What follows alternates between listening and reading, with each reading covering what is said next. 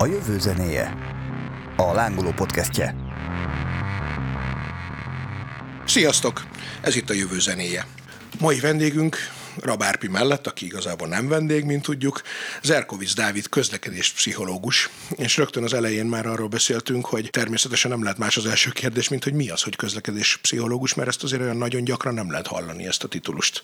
Talán te vagy az egyetlen, akit én mondjuk láttam médiában valaha is. Szervusztok, üdvözlök én is mindenkit. Szerencsére nem én vagyok az egyetlen, illetve más kollégám is időnként szokott szerepelni.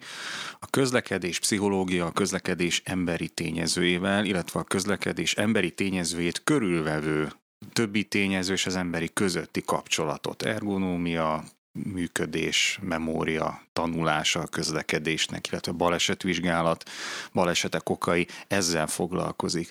Ahogy a pszichológia is interdisziplináris tudomány, mindenféle más határterületekkel nagyon szoros rokonságot, illetve kapcsolatot ápol, úgy a közlekedési pszichológiában is benne van, még egyszer az ergonómia, uh-huh. benne van a technikai ismeret, illetve az emberi működés, és a legmélyebb klinikai pszichológia, ami esetleg az indulatoknak a fékezhetetlenségét, de bizonyos közlekedési módoknak mondjuk elutasítását, azokkal kapcsolatos bizalmat és hasonlókat jelent.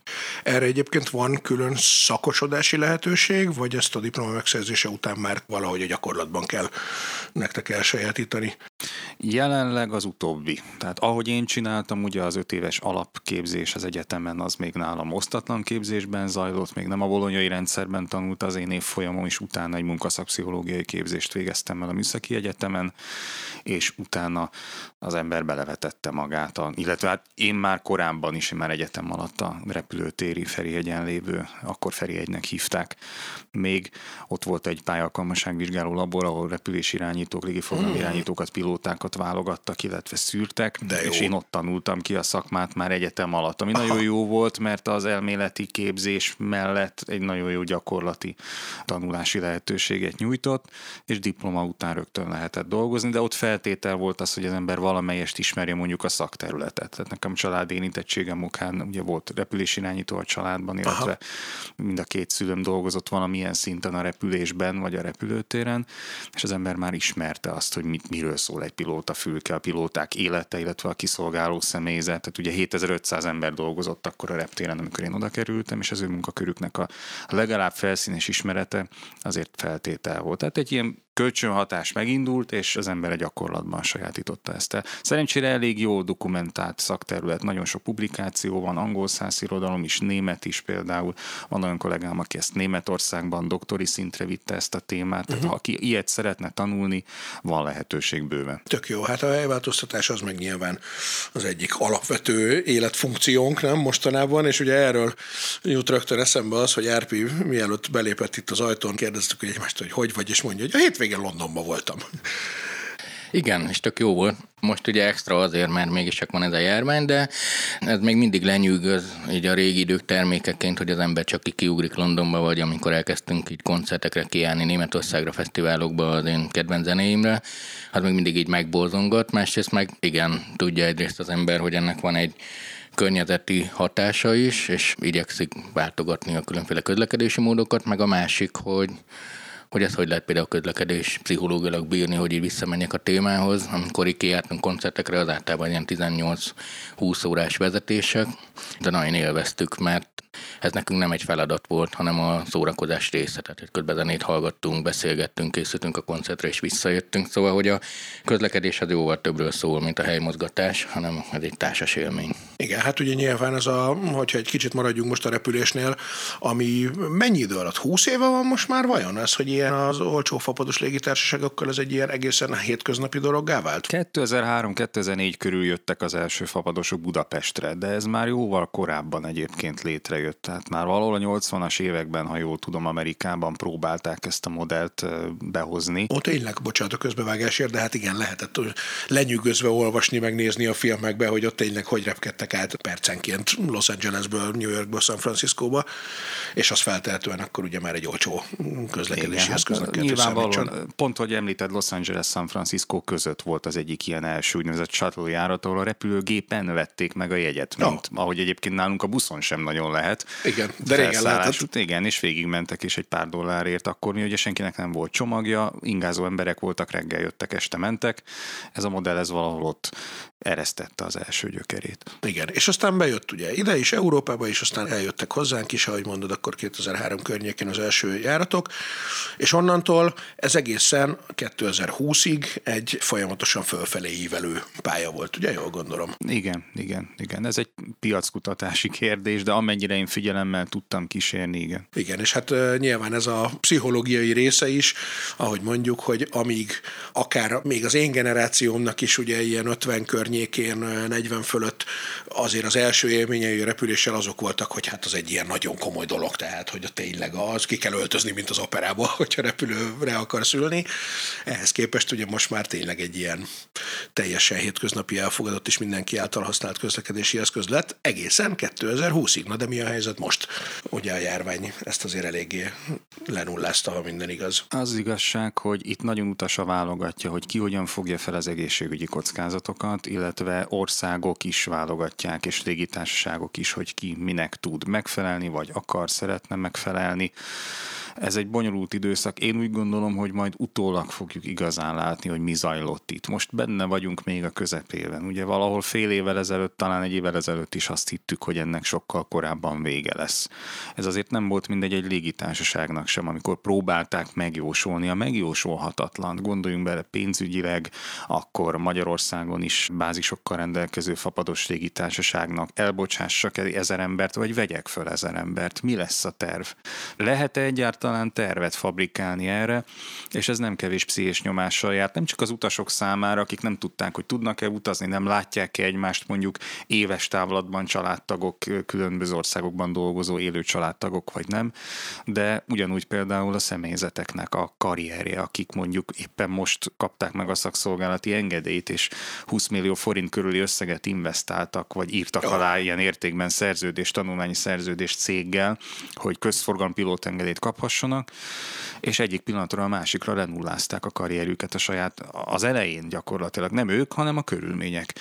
Ez egy nagyon kacifántos időszak, és még egyáltalán nem látjuk a végét, és ennek nagyon sok pszichés vonzata is van természetesen. Árpi, sokan voltak most a hétvégén a repülőn?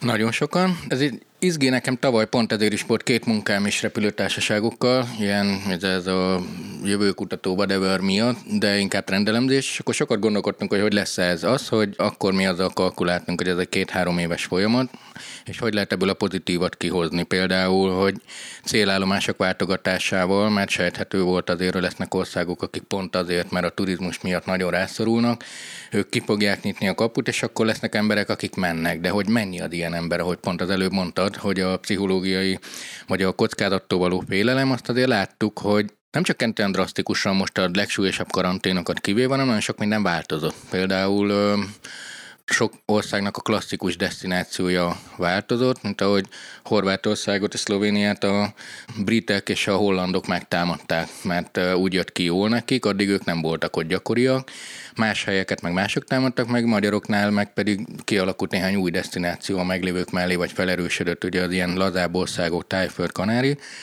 Annyi, hogy nem beszéltek róla. Tehát akik addig posztoltak róla, azok pont azért, mert elég erős volt a hangulat, hogy hát hogy meszte ilyenkor menni, meg mindenki maradjon Tényleg. otthon. Most, hogy mondod, egyáltalán nem láttam egy darab ilyen nyaralós posztot se egyébként 21 nyarán meg De voltak sokan, csak nem beszéltek róla. Idén már láthatóak poszt szinten is, de általában visszafogottak és utólagosak. Tehát az, hogy egy hete voltunk, és persze mindenki jól van. Az én tapasztalataim most azért, hogy kellett ide-oda menjek konferenciák, vagy bármi ami miatt ez abszolút személyes és szubjektív. Az az, hogy most pont Londonban kifogtuk a szigorítás időszakát is, ez teljes káosz volt, tehát hogy így rengeteg adatlap volt, hogy hol kell tesztelnünk, hol nem, de amikor oda mentünk, kiderült, hogy ott se tud senki semmit. Mi becsületesen teszteltünk, félelmetes tömegek voltak, tehát minden repülő tele volt, de annyira nagy lett a káosz, hogy sem a vírus dolgainkat, sem az útlevelet nem ellenőriztük. Tehát konkrétan úgy jöttünk el, néztük, hol kéne az útlevelet bemutatni, de hát itt ilyen... Szóval... Mindezt egy Brexit után ráadásul, ahol már nem csak a vírus miatt kéne Igen, ellenőrizni meg, meg azért egy reptéren azért igazából nekem jól esett volna megnézik az útlevelemet, de az is tény, hogy ha azt mondják, ordibálnak vele, hogy menj tovább, akkor végül is tovább mész.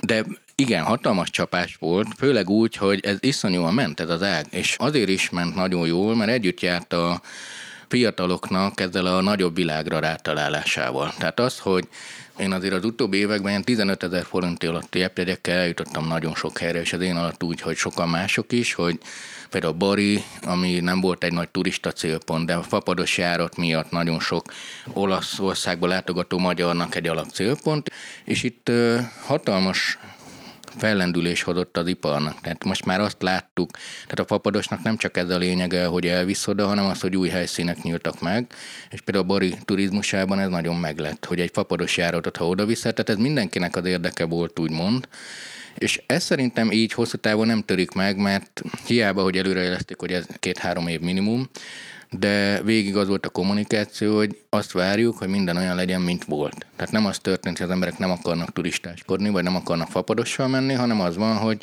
most félek, vagy most nem megyek, és de várom, hogy mikor mehessek. Igen, nem változtak a szokások, hanem visszafogták az emberek magukat. Okozott egy piaci beomlás, de ezt leginkább azért, mert rendkívül élesre volt kiszámolva a nyerességre. Tehát annyira le kellett vigyük az áraikat, Annyira kizsákmányolták a repülőszemélyzeteket, a technológiát, hogy nem volt biztonsági tartalék a rendszerben, és most ez visszatérni látszik, most nem azért, mert most utaztam, hanem a piaci adatok alapján ugyanúgy működnek ezek a dolgok. Sokkal inkább ez a repülésnek a ez a nagyon lassú és egyszerre nagyon gyors jellege az, ami még távol tart embereket. Tehát egyrészt lassú, mert órákig válsz, meg kimész, viszont meg hirtelen nagyon ott vagy. Igen, na ezt majd egy következő körben, még ebben az adásban, mert hogy egy majd a vonattal való összevetésnél lesz ez egy mm, nagyon érdekes az, az kérdés. Jó, vonatot imádom. Szóval, De... hogy a piaci, tehát igen, ezt értem, és teljesen egyetértek, hogy erre nem volt felkészülve egy ekkora ágazat, hogy akár két évig ilyen tartalékokkal mozogjon, meg hogy mit tud ígérni. Amivel, és ez most így a, hogy mondjam, a pragmatikus része, amivel nekem jöttek, amikor lelaktam az elemzéseket, az pont az volt, hogy na ez lesz az a szakma, onnan nem fognak elmenni az emberek, itt tudjuk őket tartani úgymond zsarolással, mert pont azért, mert az a szaktudás, amit megszerzett, olyan drága és olyan nagy, hogy nem fog elmenni, még sok más iparágban, szóval számolnunk kellett azzal, hogy eddig pincér volt, most elmegy máshova, és nem biztos, hogy visszatér a pincér szakmában, de pont ezek, akik hát ott azért még mindig minden területre magasabb szintű szaktudás kell, a legegyszerűbb részre is, és ők úgy voltak vele, hogy ezek az emberek úgy is visszajönnek. Dávid többször bólogatták közben nyaralásról, utazási szokásokról. Nekem egy másik képzett. aspektus jött közben elő. Én is meg kellett, hogy ejtsek egy utat itt 2021 nyarán, és érdekes volt, hogy mennyire sérülékeny ez a technológia, amire át kellett, hogy álljunk. Két dolog. Az egyik, amikor álltam Budapesti repülőtéren sorba a check-inhez, 18 ember állt előttem, egy órát álltam sorba mindenkinek valamilyen más papírja volt az oltásról, mindenkinek valamilyen más problémája volt az oltási papírjával, volt akinek az applikáció nem működött, a QR kód nem működött, ezt ki kellett volna nyomtatni, de hol tegyük ezt meg a repülőtéren, csak ilyen, csak olyan nyelven van meg, de higgyel, hogy ez igazi orvosi pecsét, csak ez nekem mit tudom én, egy spanyol orvosi pecsét, de hogy az jó lesz, nem lesz, és a szegény csekines lány, akinek régen az volt a feladata, hogy legyen kedves az útlevelét rendben van, hova szeretne ülni a csomag mag 20 kg alatt fölött viszont látásra, ő most egy dokumentum specialistává kellett, hogy legyen, és meg is kérdeztem őket, hogy hogy bírjátok, azt mondja sehogy. Ez már lelkileg nagyon sok, és csak 18 emberről beszéltünk egy 189 személyes repülőgépen. Ezt engedték el most Londonban. Go, Igen, go, go. Talán, talán, nem, talán nem véletlenül egy sokkal nagyobb hub esetében. Ez az egyik, hogy mennyire nem voltunk felkészülve, digitális technológia ide vagy oda, hogy az uniformizálás, hogy jó, itt azért lesz egy pár millió ember, aki így vagy úgy, de szeretne utazni, vagy elfogy a türelme, kicsit lejjebb mennek a számok, rögtön azonnal úgy szeretnénk, ahogy régen volt, és úgy utazni, de azt most nem lehet csak dokumentummal. Igen, akkor legyen közös oltásigazolás, hogyan, merre, mert mégsem sikerült. Úgy tűnik, legalábbis az én szubjektív érzésem az, hogy mindenki annyiféle problémával érkezett, ahány helyről jött. Ez az egyik, a másik, jó, akkor ne utazzunk, legyen online megoldva a konferencia, az oktatás, ez mondjuk már inkább regionális szinten, és nekem szintén szubjektív tapasztalat, hogy ahány annyiféle platformmal találkoztam, jellemzően nem én állítottam fel, én csak részt vettem, bejelentkeztem, ilyen-olyan, most nem mondok cégneveket, nyilván ez nem a reklám helye, de, mindegy, de volt tudjuk. olyan, aki több millió forintot investált egy komplett setupba, úgy, hogy abban benne volt a hardware is, óriási képernyő, kamerarendszer, és egy külön ügynökséget bízott meg, hogy ezt az egészet üzemeltesse, és 10 percenként szétesett a rendszer. Egy oktatás, egy online oktatást kellett nekünk véghez vinni, és vagy nem láttak láttak, vagy nem hallottak, vagy nem látták az előadást, vagy egyiket sem. Totál sötétség. Pedig úgy gondoljuk, hogy amikor már minden második ember Skype-on hívja a másikat, amikor a nagymama innen Budapestről Sydneybe az unokájával videótelefonál, minden gond nélkül elvileg, azt gondoltuk, hogy ez már nem lehet probléma. És mondom, ahány eset volt, szinte 10-ből 8-szor voltak kapcsolódási probléma, ilyen-olyan hard, nem telepített. Tehát amiben rutinunk van, amit nap mint nap használunk hosszú ideje, és apránként fejlesztgetjük, az működik, abban bízunk, és hirtelen nagy tömeget kellett ráterhelni egy relatíve új technológiára, ugye a repülés mondjuk száz éves, ez a digitális technológia, amit használunk így egységsugarú felhasználó néven, ahogy egy informatikus barátom szokta mondani, ami már a telefonján is mindenkinek rajta van gyárilag, azt, amikor hirtelen ki akarjuk terjeszteni egy, egy százfős előadásra úgy, hogy akkor ott az tétre befutóra megy, akkor ott bizony kiderül, hogy ilyen kis probléma, olyan kis probléma, lesz belőle egy hatalmas probléma halmaz, és akkor másfél órás előadás helyett két és fél óra szenvedés lesz a vége. Nem mindenkinél van ez így, de mondom, nekem keserű tapasztalataim vannak erről. Hát én is nagyon-nagyon sok online konfon voltam, abszolút. Tehát volt az első a kegyelmi időszak, amikor mindenki tanított mindenkit, meg szerinted mi a jó, tehát így mennek a tippek de ez rövid ideig tartó kegyelmi időszak volt, utána azért héten megjelentek az elvárások, és valóban a konferenciaipar héten azt érezte, hogy na most mi ilyen halunk, tehát konferenciát kell szervezni. És ugyanazok a forgatókönyvek, és ezért érzem azt, hogy ilyen jövőkutatóként sokszor ilyen tök unalmas ember vagyok, mert mindig ugyanazt ismételjük, csak nem hallgat rá senki. Tehát elmondani azt, hogy bejön egy ilyen új helyzet, amit mesél ne azt csináld, hogy fejlesztesz nagyon gyorsan egy robusztus rendszert, ami minden megold, hanem csinálj valamit, ami működik. Majd kibővíted, nem. Akik ilyen egyszerű környezettel mentek, azok működtek, csak viszont vannak olyan konferenciák, ahol nem engedhető meg mondjuk, hogy egy amerikai cég platformján legyen, vagy, de pont a kulturális vagy az emberi részét figyeltem meg nagyon, hogy volt olyan, hogy azért akadt meg egy konferencia, mert az 5 dolláros havidíjat nem fizette ki valaki. És akkor tudod, olyankor azt mondom, hogy hát tesó azért nem ár. Tehát, hogy mi meg itt ingyen előadunk neked. De még izgalmasabbak voltak azok, hogy hogy kezelik az emberek azt, hogy egy hangsáv van tehát általában egy workshop, és hát nem szoktunk egymás szavába vágni annyira, sőt, legtöbbször ezek viszonylag unalmas eseményekké tudnak válni, ha nem jó a moderátor, mert föltesz egy kérdést nagyon hosszan, elmondja az első válaszoló, a második válaszoló mond valamit, ami valószínűleg nem reagál az első válaszolóra, de túl vagyunk rajta, hogy végig megy, vannak addig izgik is, de az egy hangsáv az kész, kiütött egy csomó mindenkit. És a klasszikusak mikrofon kibekapcsolás, vagy az, hogy figyelj, tényleg látszol, amikor túrod az orrod. Tehát, hogy, hogy, hogy én értem, hogy sok idő. Tehát, hogy ilyen apróságok... Bocsánat, ezt, ezt majd az autós résztél, az, az ortúrás és a látszás Igen. összefüggéseit. Ezen sokat gondolkodtam, hogy nem arról van szó, hogy nem okosak azok az emberek, hogy ne tudnánk használni, hanem annyira sokat használjuk már, hogy elfeledkezel róla, ez a klasszikus ilyen valóvilágház effektus, hogy azt hiszed, egy idő után nem tud viselkedni, mert elfelejt, hogy ott a kamera, és ők is. Más kérdés, hogy hát kapcsolod le a kamerádat, de hogy azzal, hogy bemászott az otthonunkba, az, hogy nagyon hosszú lett, az, hogy ez az egy hangsáv, az, hogy ki kell várnom türelemmel, ez tény, és megmutatta azt is, hogy milyen nehezen tanulnak az emberek. Tehát, hogy a legtöbb digitális kultúra használó egyvonalas. Egy adott applikációban tudja, hogy hol kell megnyomni a mikrofon, de ha máshol van, és most egy ilyen 10-12 ilyen konferencia szoftver van, a gépemen bőven tenyésznek ezek mind, és valóban mindig egy picit máshol van, nem egy nagy szám, de ez elég ahhoz, hogy megzavarjon valakit, és igen, tehát, hogy hallasz, nem hallasz, látszol, nem látszol, tehát ezek már ilyen ugyanilyen belejáróivá váltak az életünkben, mint a kőpapírolló, ha találkozunk. Tehát, Igen. Na hát a konferencia turizmusról akkor igazából viszonylag sokat megtudtunk most. A... Ez a home turizmus, ez a szomorú része. Igen, de hogy a repüléshez azért kanyarodjunk vissza, ugyanis van ennek egy másik tényező is, ami ezt talán befolyásolja, vagy nem, ezre fog vonatkozni a kérdés. Bízunk benne, hogy a járványhelyzet az előbb-utóbb jó lesz, vagy tolerálható lesz, és ez már annyira nem befolyásolja. De hát van az a trend, hogy ne repüljünk, mert hogy az rendkívül környezetszennyező. Talán a nagyon trendi városi fiataloknál, vagy nem is feltétlenül városi, de a trendi fiataloknál már ugye ez valamennyire létezik ez a jelenség, hogy inkább vonatozom egy kicsit drágábban és hosszabb ideig, de mégis környezettudatos vagyok. Ez vajon egy komolyan létező trendé válhat? Szerinted, Dávid, vagy akár mind a kettőtök szerint, vagy azért itt is leginkább az lesz a fő kérdés, hogy a vasút az tud-e kényelemben és gyorsaságban alternatívává válni a repüléshez képest. Most hagyd legyek egy kicsit pszichológus. Itt a trend az nagyon fontos befolyásoló erőt kap onnét, hogy milyen keretek között történik az a bizonyos új alternatív utazási mód.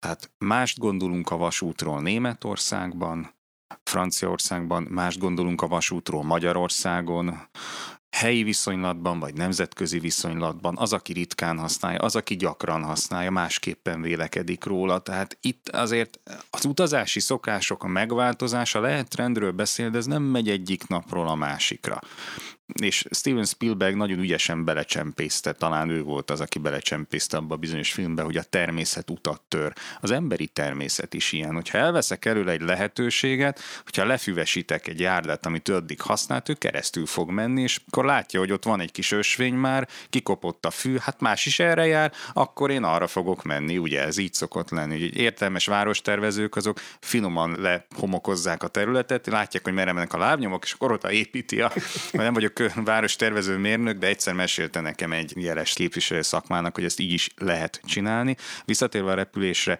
megint nagyon nem mindegy, hogy ezt hova tesszük, és szinte néhány tíz kilométeren múlik. Valaki azt mondja, hogy Budapest-Bécs között felesleges repülőjáratot üzemeltetni. Én repültem ezen a járaton, ciki vagy nem ciki, átszállással nyilvánvalóan Bécsből, szinte tele volt rendszeresen az a járat, mert egy olyan jellegű csatlakozási lehetőséget kínált, ami vasúttal egyelőre nem reális, és nem is ez a vasút szerepe ezen a szakaszon például, hogy átvegye a repülőgép helyét.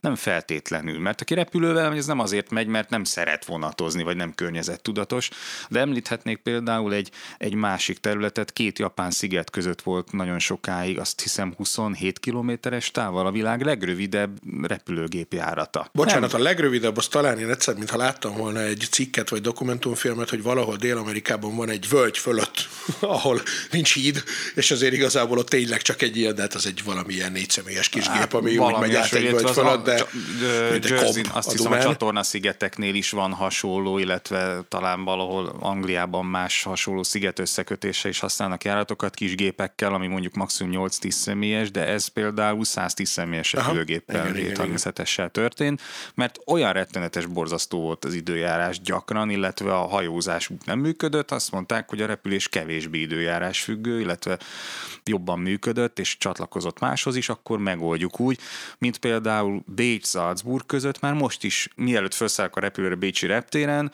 ugyanaz a légitársasági járatszámmal oda van írva, hogy cug. Tehát, hogy az vonatközeg. Ugyan, bemegyek ugyanolyan kapun, de az levisz a vasútállomásra, és egyébként csatlakozik, és egyben lehet a jegyet is, ha jól tudom kezelni. Bocsánat, csak eszembe jött az anekdot, amikor egy ismerősöm a Vizer hajnalán, amikor már Debrecenből is voltak járatok, akkor azt látta, hogy Budapestről is lehet venni valahogy Debrecenbe, azt hitte, hogy lehet repülni, és meg is vette a jegyet. Aztán kiderült, hogy az egy buszjárat, ami elvisz Debrecenbe, Igen. akkor, hogyha De onnan volt, mész valamelyik másik. Volt egyébként egy német légitársaság, egy nagyjából 20 személyes repülőgéppel egy ideig üzemeltetett. Komolyan? Budapest-Debrecen járatot, be is csődölt a járat egyébként, de voltak erre próbálkozások. Szerintem lesznek is csatlakozás függvényében, és érdekes dolog, hogy ha azt mondjuk, hogy mondjuk egy bizonyos típusú utassal nem akarunk egy bizonyos típusú repülőteret terhelni, uh-huh.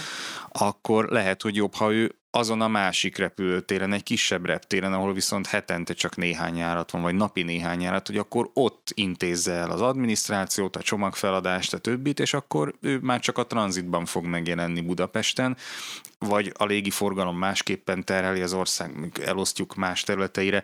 Ez egy nagyon komplex kérdés, minden esetre ezt így de facto kijelenteni, hogy akkor 300 km vagy 500 kilométeren belül tessék vonattal menni repülő helyet, mert az jó, ez nem ilyen egyszerű, uh-huh. ez nem így működik.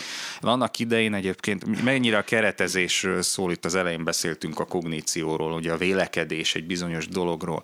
Akkor én főiskolára kezdtem járni, volt egy ilyen évem, amikor Budapest keleti pályaudvarról Kelenföldre jártam, és a prágai nemzetközi express vonat belföldi díszabásban potom pénzért adott jegyet. Egy megálló, 13 vagy 15 perc alatt megtettük az utat. A tél közep, mint nemzetközi vonat volt, tehát végig kellett küldeni, hogy szokták mondani egy zölddel, tehát lassítás nélkül végig pályasebességgel a szerelvényt, büntetés jár, hogyha ez nem történik így meg, tehát érdemes volt, és mindenki kérdezte, hogy vonattal jöttél. Hát a hetes busz az elhoz a keletitől, igen, 40 perc alatt, télen még több. Ha történik valami a rakparton, még annál is több, és mindenki butának nézett engem, hogy mondjuk hülyének nézett, hogy hát vonattal nagymamához megyünk vidékre. Hát Budapesten belül vonatot használni, hát normális vagy te? Ma meg már elővárosi vasútvonalakat fejlesztünk. Ugye ez akkor külföldön már élő példa volt, lásd a berlini S-bán, vagy hasonló más jellegű. Igen, erről megint eszembe jut az a viszont velem megtörtént anekdóta, hogy ezt én 11-2 éves koromban próbáltam meg déli pályaudvar, kelem földi pályaudvar viszonylatában egyszer, mert hogy apám a Mávnál volt tervező mérnök, és volt személyzeti jegyünk, ami akkor volt 50 fillér, vagy nem tudom, egy forint. Igen, ám, de kiderült, hogy az a vonat Székesfehérben állt meg először, és ott álltam 10-11-12 évesen mobiltelefon még sehol, este 7 óra Székesfehérveri pályaudvar volt, nem 5 forint forint talán, valahogy vissza kéne jutni, mindegy megoldódott aztán, de hát igen, ez rejti ilyen veszélyeket. De akkor összegezve viszont azt mondjátok, hogy a repülőtársaság, a légitársaságnak nem kell azért attól félni, hogy le kell húzni a rolót, mert mindenki vonatozni fog. Ez jogalkotói kérdés, tehát abban az esetben, hogyha a környezetvédelem mellett magát elkötelező kormány vagy uniós szintű jogalkotó azt mondja, hogy fűnyíró jelleggel ő tesz egy ilyen lépést, akkor van mitől félniük. De ehhez a részéhez én kevésbé értek. Én úgy gondolom, hogy ez azért nem ilyen egyszerű. Tehát egy légitársaság, aki mondjuk több tízezeren vagy húszezer embert foglalkoztat, vagy, vagy csak nyolcezret, azért annak van valamilyen szinten szava. Nem egy légitársaságról beszélünk, és azért egy jogszabályt, hogyha meghozok egy közlekedési korlátozásról, az nem úgy működik, hogy ott kihúzom, és annak a helyen lesz egy lyuk, ahol, amit betömök vonattal, hanem az kölcsönhatásba kerül, egy ilyen folyamat kölcsönhatásba kerül 15-30-100 másik folyamattal, és ennek üzleti oldala is van, gazdasági oka, illetve nyilvánvalóan a vasúttársaságnak is lesz az egy-két szava, hogy most tőle elvárnak mondjuk járatsűrítést ez bizonyos szakaszon. Azért az sem úgy működik, hogy egy vasútvonalat egy hónap alatt átállítok egy másfélszer akkora forgalomra. Hát vagy Tehát, ötször akkorára, hát nem vagy ha nem ötször akkorára, akkorára, igen, követési igen. távokkal, egyebekkel, szóval ez sajnos nem ennyire egyszerű. Na akkor viszont mielőtt még, vagy RPL-hez? Igen, a jelen pillanatban ez látszik most így üzletileg, annyi ember akar utazni, és olyan sokat, hogy egyáltalán nem konkurenciái egymásnak a vasút és a repülés, ahogy mondtad is. Mind a kettő tele van folyamatosan. Megvan, hogy ki, mikor, melyiket választja, pont ahogy hallhattuk, az ingázástól kezdve a turizmuson át, de igazából a legnagyobb mozgásokat mégsem a turizmus hozza, hanem az emberek állandóan mozognak. Most nincs konkurencia probléma, Mégis a jövő annyiban a piacilag a vasút felé halad, hogy itt egy erőforrás menedzsmentről van szó, hogy egy idő múlva már újra meg kell dráguljanak a repjegyek, mert hogy az az üzemanyag ár úgy növekszik meg, hogy már nem tudja, hogy kiküszöbölni, és ott egy technológiai váltás az egy elég nagy ugrás, amin dolgoznak egyébként. Igen, van rá esély, hogy elektromos repülők legyenek? Igen, csak az tényleg egy nagyon kemény műfaj, ami még arrébb tart, egyszerűen azért, mert a töltési időktől kezdve a felhajtóerőn át a sok minden miatt, de lesz, tehát elektromos repülő lesz, csak nem ilyen nagyok és nagy dögök, viszont itt lépéserőnybe kerül a vasút. De egy ilyen 20 éves távlatban van egy ilyen számolás, ami azt mondja, hogy a vasút elkezd majd szignifikánsan olcsóbb lenni, és emiatt átterődnek rá emberek, de ez tényleg így van, ahogy mondtad, hogy mindig megnézik az emberek, hogy mennyire működik nem lehet ráterhelni a vasútra mindenkit. Tehát van egy csomó olyan változás, ami ha nem lassan következik be, akkor katasztrófa. Ha holnap mindenki vegán lesz, akkor az emberiség éjjel hal, pedig tudjuk, hogy amúgy ez egy cuki dolog. Most holnaptól mindenki vonattal menne, de az, hogy a vonatfejlesztésben mindenki fantáziát lát, és ezt próbálja megoldani, minél gyorsabban, minél változatosabban menj ide-oda, ez látszik, de ez nem most lesz. Amíg az üzemanyagárakat tudják tartani, addig rendben van, és az üzemanyag árakat úgy tudják tartani, hogy ilyen új üzleti modelleket tesznek rá, hogy minél többet vásárolja a reptéren, az ajándékoktól. Tehát ugye a repülésben nem az a biznisz, hogy megveszed a jegyet, hanem a körülötte levő dolgok, és ezt amíg elbírja a közönség, addig menni fog de hosszú távon, tehát most ad látszik, hogy a vasút majd előnybe fog kerülni, nyilván úgy fogunk eladni, hogy ez a tudatosság miatt van, de az emberek hatékonysági döntéseket hoznak teljesen jogosan egyébként, tehát van egy elvárása. És mondjuk ki, amit már sugalsz, hogy nincs olyan, hogy a vasút és a repülés, közlekedés van. Ez egy összefüggő, integrált szövet, egy rendszer. Ideális esetben is, de uh-huh. most már ahogy létezik mindenképpen. Tehát ahogy mondod, egymás konkurenciájával nem lehet őket tenni, nem is szabad egyébként, mert az végképp a hatékonyság rovására megy mindenféle értelemben. Emlékeztek a Transport Tycoon nevű játékra, nem tudom, 90-es vagy 2000-es években, mennyire zseniális volt, ahol pont ezt kellett közlekedési hálózatokat megszervezni? Igen, mert hát ugye a vonatnál gondolná azt az ember, persze mondom ezt én úgy, hogy aztán én is mindig a repülőt választom, hogy már a repülőben milyen rossz az, hogy neked az azért, ha Budapestről repülsz, akkor nagyjából négy órával a gépet felszállása előtt el kell hagynod a lakásodat ahhoz, hogy még valahogy kiérj a repülőtöbbről, tudjuk, igen, és aztán utána, amikor megérkezel onnan is még egy óra nagyjából, mire kijutsz a repülőtér elé, és az a repülőtér nagy valószínűséggel nem a belvárosában lesz az adott városnak, tehát onnan még, ha nem is Londonról beszélünk, ahol másfél óra, vagy Párizsról, de hogy még a legjobb esetben is még egy fél egy óra, amíg bejutsz a helyedre. Ehhez képest a vonat az meg ugye jó esetben a város közepén vesz fel, és ott is tesz le. Meg kötött pálya biztonságért tudsz rajta dohányozni, de például pont Tudsz? ez a... Tessék? Tudsz még? Vonaton? Nálunk nem. Ha, hát elég nagy baj.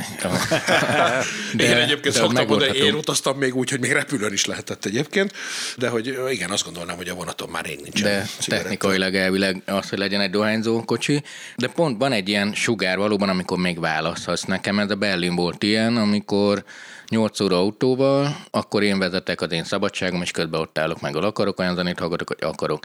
Repülővel gyors volt, de pont ezek miatt, tehát a bruttó idő megint csak mégiscsak 8 óra lett, viszont a repülő valamiért nem az én koncertjeimet igazították, eléggé nem ítélhető módon, nem is értem, úgyhogy megnőtt a bruttó, és akkor az ember választ. De ez a jó benne, hogy választ, mert választhatunk most már, de piacilag nincs konkurencia, mert mindegyik iparág most azzal küzd, hogy bármennyit fejleszt, azonnal ellepik. Ha igen, több, igen ha, ha megnézed, mindaz van, hogy azonnal megtelnek a járatok, amik kellenek, mindig új autóút kell, mindig új villamos kell, mindig új repülőjárat kell. Tehát nem értik el a maximumot, hanem még az igény jóval nagyobb, mint ami van, ezért nem rugóznak egymáson piacilag. Na, mert egyébként pont ez lett volna a kérdés, hogy a, mint utazási szokások, hogy a turistáskodás, hogy ugye, ahogy Dáviddal előtte beszélgettünk adását, hogy Csányi Vilmos van ugye nagyon, ő nagyon mérges a turistákra, tehát ő azt mondja, hogy a turistáskodásnál hasznavehetetlenebb dolog a világon nincs, és egyébként azt én is megszoktam magamon figyelni, hogy amikor valakit látok, hogy hogy valahol külföldön elkezdi fényképezni a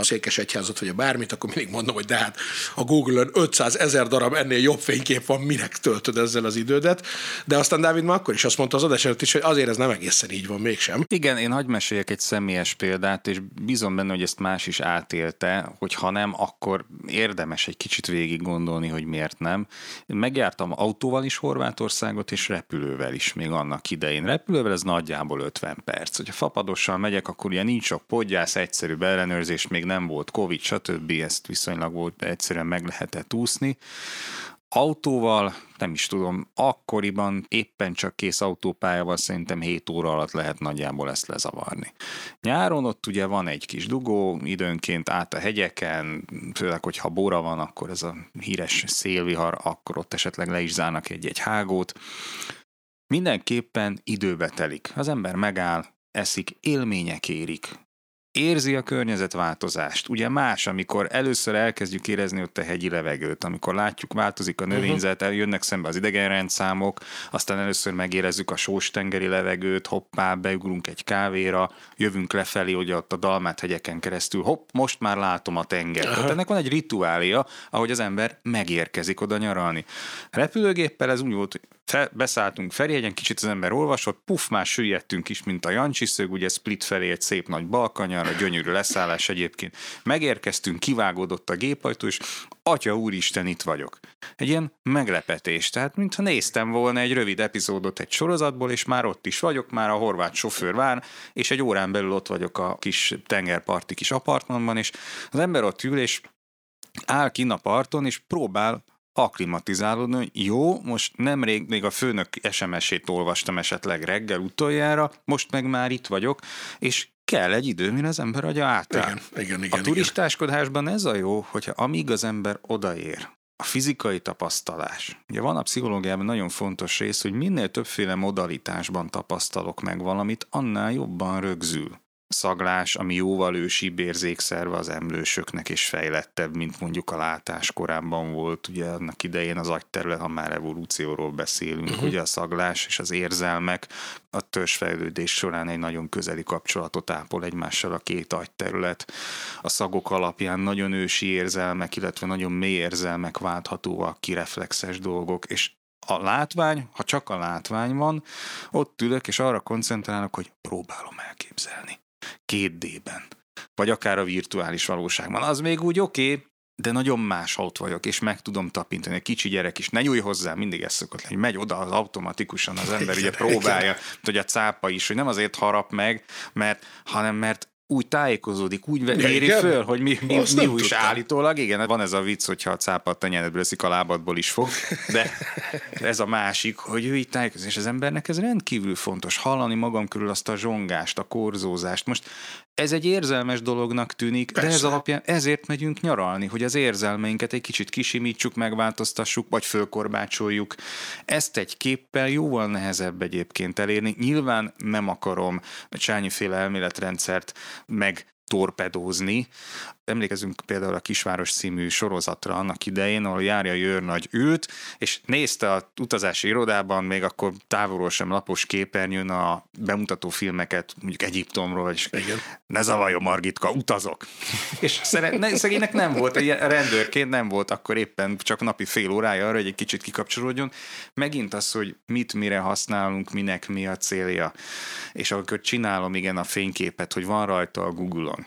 Ez a fénykép, tehát, hogy van a Google az interneten, arról már 600, de ez a fénykép, amit én csináltam, ez nem a dicsőségről szól, hogy voltam olyan ügyes, hogy elsütöttem a telefonon azt a gombot, mert ez nem nagy vasszizdasz, hanem amikor megnézem azt a képet, akkor előhívódik egy csomó olyan aspektus, egy csomó olyan emlék, ami akkor volt jelen, amikor ezt a képet csináltam. Van olyan, aki soha többet nem nézi, meg lelke rajta. De van olyan, én is ilyen vagyok, rendszeresen előszedek régi fotókat, ez lehet, hogy egy konzervnyitó gondolkodás, de rendszeresen előszedek régi fotókat, és bizony emlékek tömege rohan meg olyan, amit talán nem tudok soha másnak átadni. Ez csak a miénk, ezt nem vehetik el tőlünk. Ezért jó az utazás, ezért a tapasztalásért. Pápi? Mindez abszolút igaz, de hát ahogy Balasinak tulajdonított mondás szerint mészként csorgott ki az igazság fogait kerítésén, de nem. Tehát Kezdünk a... az idézetekben most igen, már. Igen, látom, hogy most itt... Én még gyorsan megkérdezem közben, hogy tudjátok, hogy a Kisváros című sorozatot egyébként hol forgatták, ha már Szigetvár, Szigetvár és tök jó kisváros, úgyhogy menjetek el turistáskodni oda, mert, mert zseniális kisváros az. Na, az, igen. hogy az időt és a pénzt folyamatosan cserélgetjük, és hogy a turizmus fellendült, az azért is, mert kinyílt a világ, megtehetjük, és erre vágytunk az, hogy a turizmus haszontalan vagy semmi, meg a Csányi Vilmosra haragszom, hogy így gondolkodik a turizmusról, mert szerintem meg egy tök jó dolog, és nem azért, mert én szeretek turistáskodni, hanem azért az emberi fajként is azért még inkább azt kellene, minél többet lássunk a világból, megtapasztaljuk, kiélvezzük azt a jólétet, amihez jutottunk. Tehát elítélni így egy ágat azt, hogy ki hogy éli meg. A tény, hogy a turizmuson is látszik, két dolog. Az egyik a folyamatos megosztási vágy, tehát hogy nem maradok ki, vagy nem maradjak ki. Tehát sokszor azért fotózunk, hogy megoszthassuk egyből a barátainkkal, hogy itt vagyunk. És ez is a megélés része, és ez egyáltalán nem elítélendő, mert így érzem jól magam, hogy közben valahol ott lebegnek. A másik viszont, amit a turizmusban egyre inkább azonosítunk, viszont a kapkodás mégis, amit mondtál, és én imádom, és én is így, hogy éljük meg a pillanatot, ahogy oda jutunk, és maga az út, de azért a turizmusban látható a digitális kultúrának ez a hatása, hogy szinte task vagy feladatszerűvé vált egy csomó minden. Eljutok ide, láttam ezt a templomot, lefotóztam, tovább megyek. Ha az utazás legyen rövid, kényelmes, már ott vagyok, mikor érek oda. A szálloda legyen ugyanolyan, mint az összes eddigi szálloda, amit láttam. És ez kicsit ilyen ellenhatású folyamat, és ehhez próbálunk visszatérni, és mindenki, aki igazából jól akarja elkölteni a pénzét, az áváltozat mellett, tehát a megélem a dolgokat mellett megy, mert például egyre több ilyen tapasztalás jön vissza, hogy maguk a turisták panaszkodnak, amikor visszajönnek, hogy hiába, hogy ugye nagyon sok effortot rakok bele, mert szervezés, pénz, stb., hogy végig mégsem volt jó, vagy nem az volt. És akkor mindig az derül ki, hogy a megéléssel kapcsolatosan vannak nekünk gondjaink, a felgyorsult világ, stb. miatt, de hogy én ebben azt szeretem, hogy az, hogy kíváncsiak vagyunk más helyekre, más emberekre. Az, hogy mi magunk utazunk oda és mélyejük át és változunk, szerintem ez egy csodálatos dolog, én ezt szeretem. Az, hogy a turizmus viszont ilyen tömegessé vált, azért ez az utóbbi 5-6 évnek az egyik nagy eredménye, vagy most már legyen 7-8, és összefügg a fapados reptérezéssel, és érdekes mód pont magát kezdte el kivágni olyan értelemben, hogy ami eddig elérhetetlen célpont volt, vagy ritkaság, most tömeggé vált. Tehát ez az overturizm jelenség, ez amúgy is átírta volna azt, hogy a, most turizmus nagyon sokat változott az utóbbi a koronavírusnak mellett, a több apró célpont, inkább éljük meg, Régebb a turizmus két dologról szólt, juss el a reprezentatív helyekre, a másik üzenet, amit eladtál, hogy olyan helyre elviszlek, ahova még nem turista nem jár, ami nyilván egy kedves hadugság volt. De most tényleg az történik, hogy az emberek olyan helyekre járnak turistáskodni, ahol nem járnak mások, mert ők szervezik. És ez a megélésnek nagyon jót tesz, mint kiderül. Tehát a lényeg az, hogy én szerintem ez egy jó dolog, és igen, a környezettudatosságot figyelembe kell venni, de azért ezek is bonyolultabb kérdések annál, hogy most mi pontosan mennyire terheli a környezetet. Például ma délelőtt szenvedélyesen érvelt egy kollégám amellett, hogy az elkereskedelemnél, vagy az otthoni bevásárlásnál rosszabb nincs is a környezetnek pedig amúgy azt mondjuk, hogy a legjobb, mert otthonról vásárolok, de persze, de az az autó, aki végigjárja a város 10-12 célponttal, ugyanúgy elpöfögi. Tehát, hogy bonis. Meg is érkezünk mindjárt az autókhoz, Uha, hogyha uha, itt vagyunk. Mert hát, hogy a helyváltoztatásnak azért még nyilván mindig a legfőbb eszköze az az autó, illetve hát a gyalogolás, amit, amiről majd szintén ne felejtsünk el egy kicsit beszélni, hogy a gyalogos, biciklis, rolleres, szegvélyes és egyéb közlekedés is hogyan változott és hogyan fog majd változni. De hát az autó autó azért az egy kimeríthetetlen tárháza ennek a dolognak, hiszen ott aztán tényleg hatalmas változásoknak nézünk elébe. Volt ugye önvezető autós adásunk már, de hát ott ennek leginkább a technológiai oldaláról volt szó. Arról, hogy ez az emberek tudatában hogy fog megváltozni, hogy jönnek be közénk az önvezetők, hogy mikor, arról kevésbé. Egy közlekedés pszichológusnak erről mi a víziója? Én egy kicsit aggódással szemlélem ezt. Inkább úgy mondani, aggódással vegyes kíváncsisággal. Ugyanis amikor szakemberekkel, technikai szakemberekkel emberekkel beszélgetek ezzel kapcsolatban, akkor azért mindig árnyalódik a kép, hogy az önvezető autó, ezt így hívjuk, hogy önvezető, mert azt szeretnénk, hogy önvezető legyen, azt várjuk el tőle, de ami ma piacon kapható és bárki számára hozzáférhető, szinte csak anyagi kérdés, az jelenleg nem önvezető jármű. Uh-huh. Igen, persze. Az egy olyan persze. jármű, ami bizonyos körülmények, keretek között képes magát elkormányozni. Igen. Ez sehol nem önvezetés. Az önvezető Persze. autó majd az az ötös fázisú lehet, ugye ezt sok helyen már tudjuk, látjuk, hogy öt klasszisba kell sorolni az önvezető járműveket a képességeik szerint. Jelen pillanatban nagyjából a kettes lehet úgy, ahogy megvenni, a hármast szintet nyaldossuk alulról. Uh-huh. A repülés talán tartott, hogy most már az ötöst próbálják valamilyen szinten, vagy a négyest Na, hogy is van ez a klasszifikáció tenni. akkor? Tehát az eleje, ez folyamatos, rengeteg funkciótól függ, illetve a biztonságtól, egyebektől, de a legalsó az, ahol mondjuk az egyes szint, a legalsó szint, ahol leginkább csak valamiféle asszisztancia működik. Tehát képes jelezni, hogyha elhagyom a sávot, vagy kiveszi egy kicsit a kormányzást a kezemből, hogyha elhagynám a sávot, parkolást segítő dolgok, valamilyen szinten esetleg képes saját maga is ezt a parkolást megoldani. Nem is ez a lényeg, a, a pontos funkció, hanem az, hogy az ötös lesz az, ahol hátra tudok ülni keresztrejtvényt fejteni. Uh-huh. És az autó szépen lefékez, és egy angol komornyik hangján közdi körülbelül, nyitva az ajtó, és megérkeztünk, uram, és akkor én kiszállok, és jól érzem magam, és úgy érzem, hogy megtörtént, amiért én ezt az autót megvásároltam. Ettől azért még nagyon messze állunk. A probléma ott van, hogy gyártottunk köré egy ilyen misztikus felhőt, egy ilyen holdudvar hatást, ahogy a pszichológia szokta mondani, hogy ha azt mondják, hogy önvezető, akkor ez azt jelenti, hogy nekem már kevésbé, és akkor hú de menő, próbáljuk ki, jaj, de jó lesz, elengedem a kormányt. Volt olyan, aki hátraült egyébként a Teslában, meg is járta.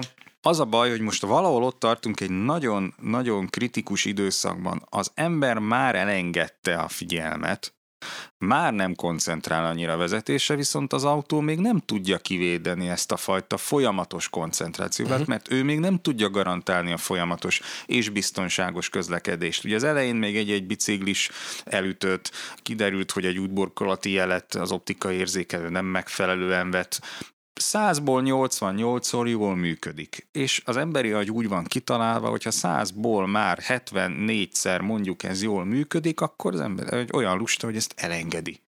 És már nem figyelek annyira. És a 89. esetnél hirtelen koncentrációt kellene venni, hirtelen föl kellene venni a ritmust, váltani ebből a passzívból az aktív cselekvő üzemmódba való váltás. Ez az, ami még a profiknak is nehezen megy. Ezt a repülésben figyelték meg, hogy ülnek három órán keresztül úgy, hogy be van kapcsolva a robotpilóta, és ez hirtelen le volt 30 ezer láb, 10 ezer méter magasan és hirtelen vezetni kellene a repülőt, 6-8 másodpercig is eltarthat, mire veszik az adást, mire képbe kerülnek, hogy mi történik, és mire eljut odáig a pilóta, hogy az úgynevezett helyzeti tudatosság, az a situational awareness, ahogy mondja az angol, tehát az a képben vagyok, hogy honnan jöttem, hová tartok, mi az aktuális, és ahhoz képest, amit szeretnék ezt hol, és mi a required action, tehát hogy mi az a szükséges mozdulatsor, vagy, vagy akció, cselekvés, amit meg kell tennem ennek érdekében. Ez a komplex kis mire felépül az agyamban, ez 6-8 másodperc. Hangsúlyozom, professzionális, hosszú évekig képzett pilótákról van szó. Egy átlagos autóvezetőnél próbáljuk meg ugyanezt elérni.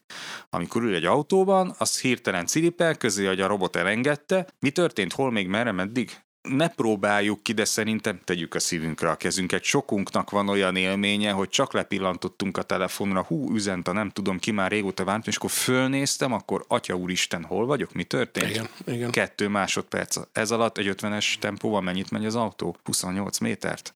Ez rettenetesen sok. Ez két autóbusz hossza.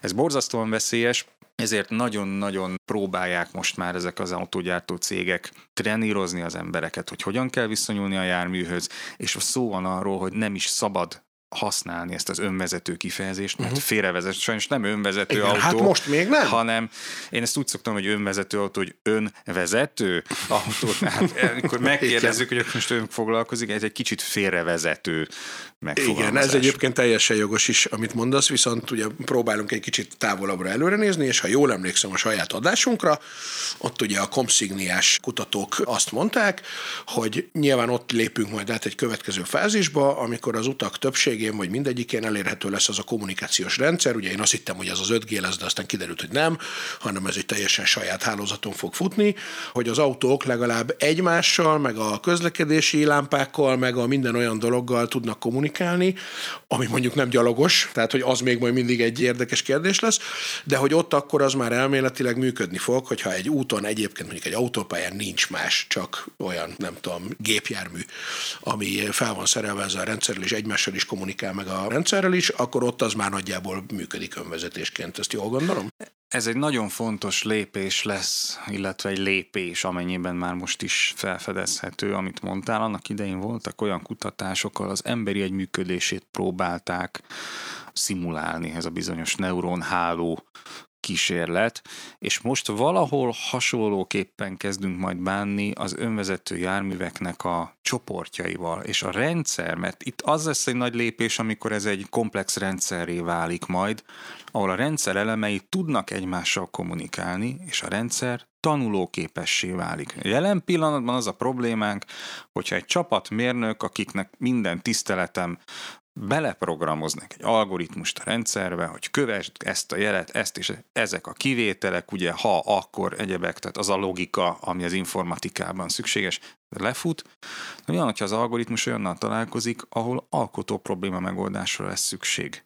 És a repülésben is ezt éltük meg, hogy a robotpilóta, ha nem ismerte fel a szituációt kellőképpen, és nem engedte magát kikapcsolni, mert volt ilyen a 80-as években, előfordult az automatizált, igencsak magas szinten automatizált repülőgépek megjelenésénél szintén megvolt ez az átmeneti időszak, hogy a pilóta már nem figyelt eléggé, nem volt elég tapasztalt a rendszerüzemeltetés, nem a repülése volt, a rendszerüzemeltetésében, a robotpilóta pedig még nem tanulta meg egészen az összes emberi hibát, és volt olyan, hogy éppen egyik sem vezette jóra a repülőgépet. Na, bementek az erdőben, egy régi bemutató, ugye, aki ezt meg akarja keresni, ott volt egy ilyen franciaországi baleset, és az lesz a lényeges lépés, amikor ez a rendszer ezt a hibát képes lesz saját maga felismerni. Lesz egy olyan új probléma helyzet, amit addig még nem programoztak bele, vagy az a jármű még nem találkozott vele, de mondjuk másik három már igen. És készít róla egy fényképfelvételt, vagy magát az algoritmust kiegészíti, adott esetben azt egy ember jóvá hagyja, de a rendszer elkezdi saját magát fejleszteni. Ez a mesterséges intelligencia, nem? Uh-huh. ami alkalmazkodó, és Sternberg óta tudjuk, hogy az intelligencia valahol az alkalmazkodó képességet jelenti bizonyos aspektusból. Ha ezt képes egy ilyen rendszer szimulálni, akkor az emberi viselkedéshez sokkal hasonlóbban képes működni, és akkor képes lesz átvenni az ember helyét. Addig nem. Igen, viszont nézek Árpira is egy kicsit, hogy azt jól gondolom, hogy viszont ebben nem az a kérdés, hogy ez lesz-e vagy nem, csak az, hogy mikor. Tehát, hogy ez vizionálható, hogy az azért el fog jönni, aztán persze mind a kettőt tökre nézek. Én mondjuk mindig nagy önvezető autót rólnak tartottam magam, hogy nem szeretem ezt a technológiát, már mint hogy sose győdött meg, mert nem old meg társadalmi problémákat. Viszont... Ha, na hát azért erről majd beszélgessünk, mert hát beszélgessünk. Én az ellenkezőjét gondolnám, de igen. Tök szuper, akkor megint verekedés lesz, azt imádom. Ezek olyanok, mint ami végül is az űrrepülés és az információs társadalom viszonya, hogy vannak nagyon-nagyon jó célok. Az, hogy meg tudunk-e oldani egy önvezető autót, annak a hatása az ezer más iparágban jelenkedik, hogy fejlesztjük a technológiát, ahogy fejlesztjük a mesterséges intelligenciát, ahogy megértjük az összetett helyzeteket, ahogy kifejlesztjük azokat a rendszereket, amik képesek ilyen gyorsan kommunikálni és ilyen sok helyzettel. Tehát lesz önvezető autós világ, de igazából az én szememben nem ez a cél. Az, ami ezekből kiesik úgymond, mint egy mellékesen, az, hogy az autó biztonsága drasztikusan megnő. Az, hogy egyre több olyan helyzet lesz, ahol viszont igenis működik. Mert azt mondom, hogy egy városi forgalmat, egy milliónyi helyzetet öntanulással is nehéz megoldani, meg olyan adatforgalom kell hozzá, ami nem éri meg azt az effortot. Mert az, hogy egy fél magyarországnyi energiát arra használják, hogy Magyarországon önvezető autó legyen, az nem biztos, hogy megéri. De mondjuk az, hogy fölhajtok az autópályára, és onnantól tényleg hátraülhetek, és majd az autópályáról, amikor lejövök, akkor majd visszaveszem, azt már most szinte jól meg tudja csinálni, most még nem, de hogy ezek nagyon sokat fejlődtek. És az, hogy lesznek olyan területek, ahova viszont, mikor meg meghódítjuk a víz alatti világokat, akkor önvezetők lesznek, gyárakban ma már önvezető robotok pakolásznak, az, hogy ki tudunk menteni embereket egy alagútból egy ilyen technológia segítséggel, amit az önvezetőhöz fejlesztettünk, emiatt imádom. De tehát az is egy nagy gondja a terjedésnek, hogy még ha most lenne is egy darab önvezető autónk, ami tökéletesen működik, nem engedhetnénk az utcára, amíg mindenki más nem önvezető autó. Tehát az, hogy átbillenjen az önvezető autók és az embervezető autók közötti határvonal, ez egy olyan, amit senki nem akar megugrani. Úgyhogy inkább az lesz, hogy speciális helyzetekben, speciális módon felhasználva. Hát erre van ugye az az elmélet, hogy akkor lesz majd egy nagy töréspont nyilván, ha a technológia rendelkezésünkre áll, amikor a nagy szállítmányozó, közúti szállítmányozó cégek fogják azt mondani, és erre talán egy kicsit most rezonál az angliai kamionsofőr hiánya, ami miatt ugye ez a nagy benzin hiány is volt, hogy hát vagy nem éri már meg embereket felvennünk, vagy pedig felvennénk, csak nincs és hogy akkor, amikor átáll egyszerre a posta, meg a nem tudom hány futárcég, meg a buszos cégek egyszerre állnak át önvezetésre, akkor hirtelen az addig nem tudom 3%-nyi önvezetőből lesz 55%-nyi, és onnantól lesz az a pont, amikor legalább bizonyos utakról mondjuk feltehetően akkor először az autópályákról ki is tiltják. Hát igen, csak piacilag pont ez a legproblémásabb mert ha ő átáll, és körülötte a kis autósok, magánkocsisok nem állnak át, itt ugye van egy felelősségkérdés, mert hogy a busz átáll, akkor az utas a felelősséget vállal a piaci szempontból meg, hogy az a kamionban rakott drága áru meg is érkezzen oda, ahol megérkezik. Tehát pont ők most üzletről beszélek és pragmatikumról, nyilván még kevésbé engedik meg, hanem azt mondja, hogy igen, ezt a szállítmányt viheted, mert ez csak liszt önvezetővel, de ez meg nem tudom értékes szilícium csipek, ezt mindenképp humán vezesse. Ez a változás, ez, ez meg lesz, csak ez a fejlesztési vonal akkor is a más területekre gyakorolt hatás miatt számít, mert mire ez valóban önvezető lenne, és mindenhol önvezető lesz, addigra teljesen más problémákat akarunk majd megoldani azokkal a technológiákkal, ahova így eljutottunk. Tehát nem az a cél, hogy a világ összes autója önvezető legyen, az egy szép álom jó értelemben, tehát egy elérendő álom és elérhető, hanem azt, hogy mit oldunk meg vele. Ha mire mindegyik autó önvezető lenne a Földön, addigra meg nem mászkálunk autókkal, mert olyan erőforrás hiány van, vagy olyan a légkör minősége, vagy ilyesmi, nem? hanem mivel mászkálunk. hát oda is eljuthatunk, de inkább csak azt akarom mondani, hogy azokat az informatikai, hívjuk így, vagy tanulási dolgok, amikről beszéltél, ezek jogos Tényleg így van, és inkább azt szoktuk csinálni, hogy a másik oldalon lejjebb visszük az igényt. Tehát olyan körülmények közé visszük a technológiát, ahol viszont megbízhatóan működik. Aha. És például az, hogy nem lesz mindegyik autó önvezető, de ha azt mondom, hogy a mentőknek kialakított sávoknál ott viszont el fog menni, és ott végig fog menni, és viszont gyorsabban oda fog érni, és akkor nem lesz mentős hiány.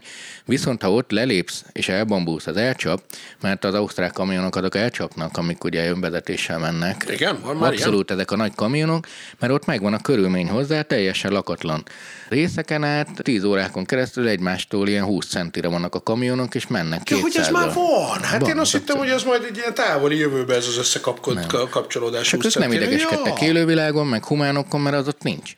És szépen áthajtanak, mint a szél. És elbóbiskol egy ember az elején, reakcióide nulla, ez tény, ahogy mondtad, tehát ha mégis arra jár egy kenguru, akkor kész, de mondjuk azok a kamionok, ahogy mennek, az a kenguru az nem befolyásolja a kamionok haladási mozgását, uh, hanem inkább csak az autó takarítóként. Szóval ez van, csak az a kérdés, hogy mikor használják, és pont az jut eszembe, hogy igen, beszéltük ezt a repülésnél, hogy van ott az a völgy, amit említette, hogy át kell jutni. És lesz olyan helyzet, ahol az önvezető autó fogja megoldani, mert most mondok egy példát, Pekingben már annyira rossz az alsóbb szinteken a levegő, hogy már senki nem szeret lenni, és a 20. emelet fölött laksz.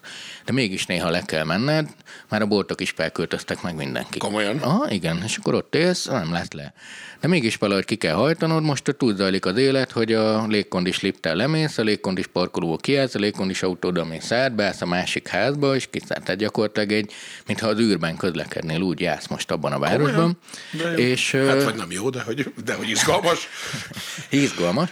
De hogy ez terjed, és akkor itt ilyen helyzetekben egy önvezető autó megoldás jó lehet, de ez inkább szerintem a mesterséges intelligencia fejlesztéséről szól, és ez nagyon izgalmas kihívás. Dávidra nézek egyébként, hogy most éppen, mert itt is közben bólogattál, de amúgy van is kérdésem a pont az ilyen városi közlekedéssel kapcsolatban, mert hogy én így mindig ilyen nagyon idealistaként azt gondolom, hogy ez az önvezetős technológia majd azért lesz nekünk nagyon jó, két ok miatt, az egyik, amit mondtatok ti is, hogy az autópálya, mert akkor ott összekapaszkodva jó gyorsan lehet menni, és akkor tényleg közúton is eljussz Debrecenben 40 perc perc alatt, mert nincs ott más, akkor 300-zal is mehet tulajdonképpen ez az autó.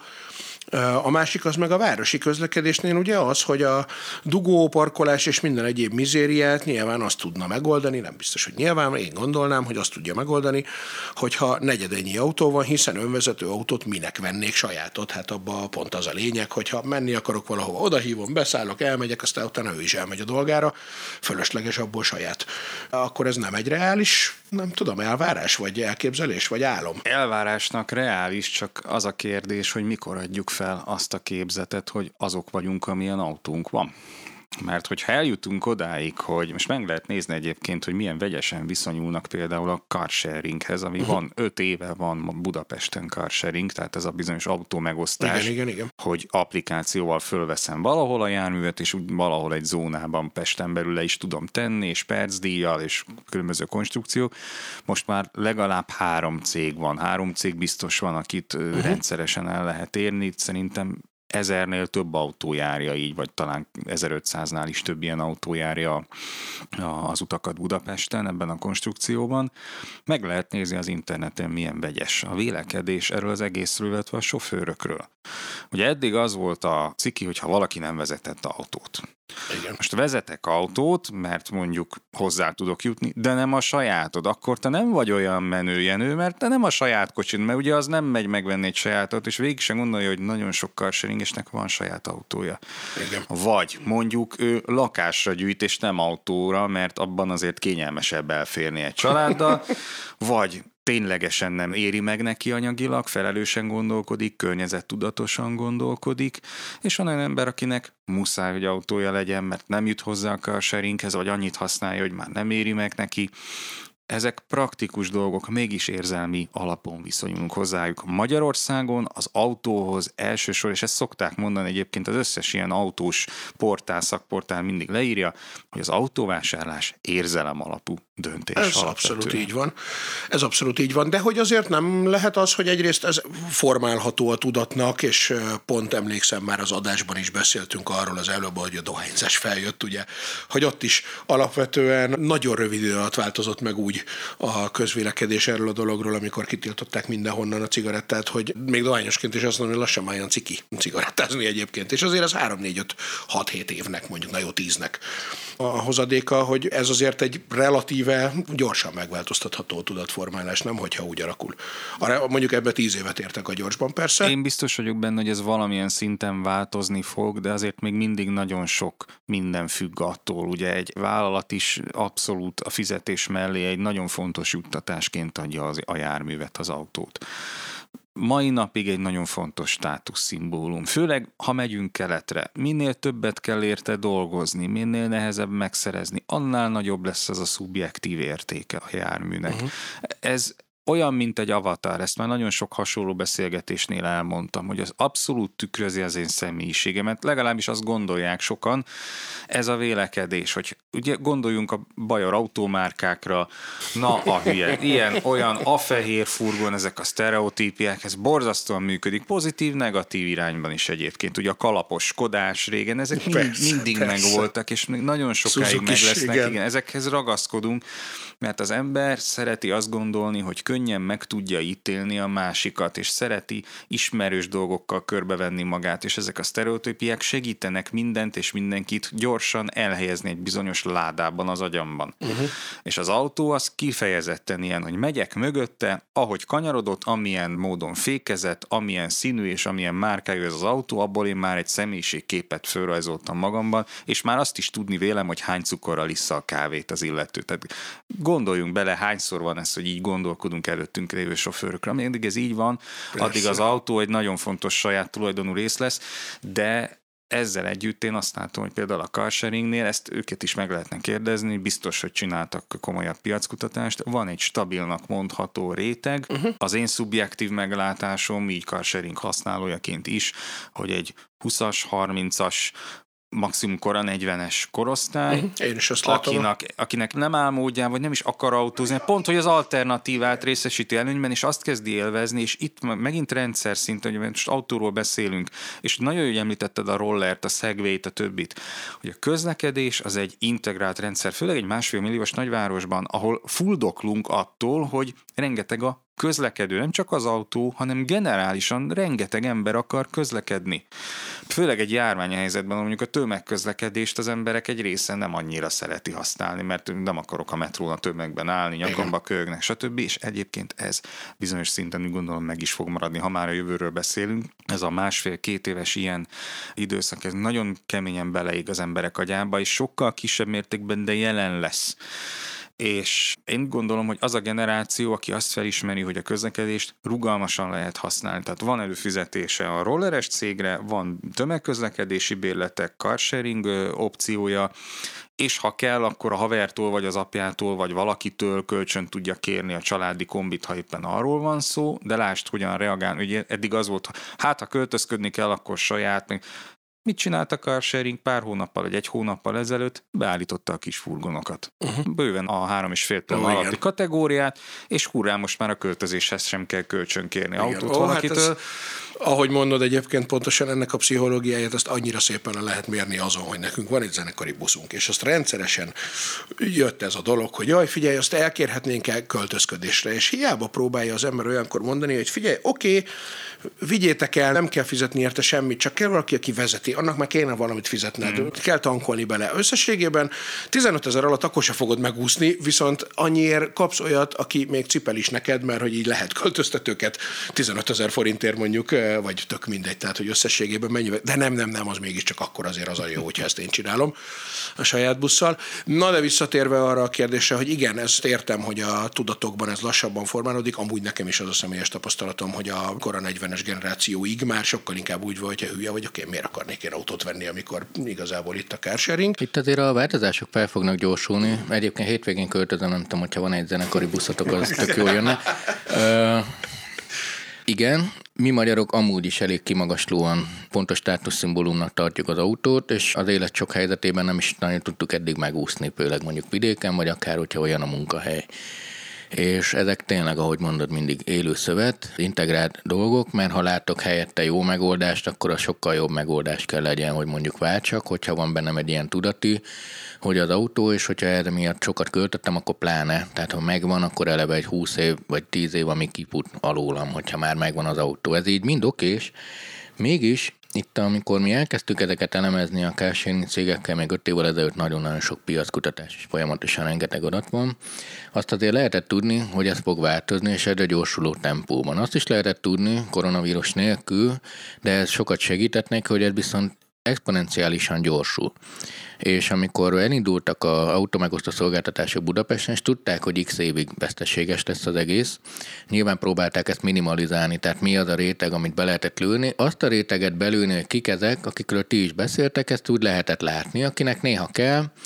néha nem, mint ahogy azt is lehetett, tehát hogy most csak részleteket mondok ezekből a jó kis számolásokból, de hány embernek van éppen szervizben az autója.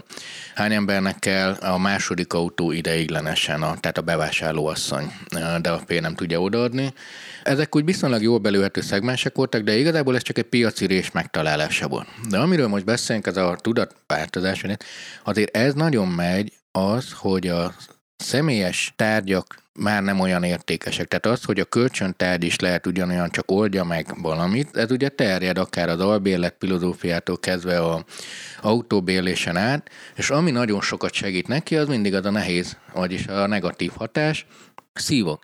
Minél többet szívsz az autóval, annál inkább hajlandó vagy váltani le róla, és ez azért az utóbbi években annyira elhatalmasodott, nem csak Budapesten, mindenhol, mivel egy autó nagyobb, mint egy ember, de Budapesten akkor is az elmúlt három évben százezer új autó lett.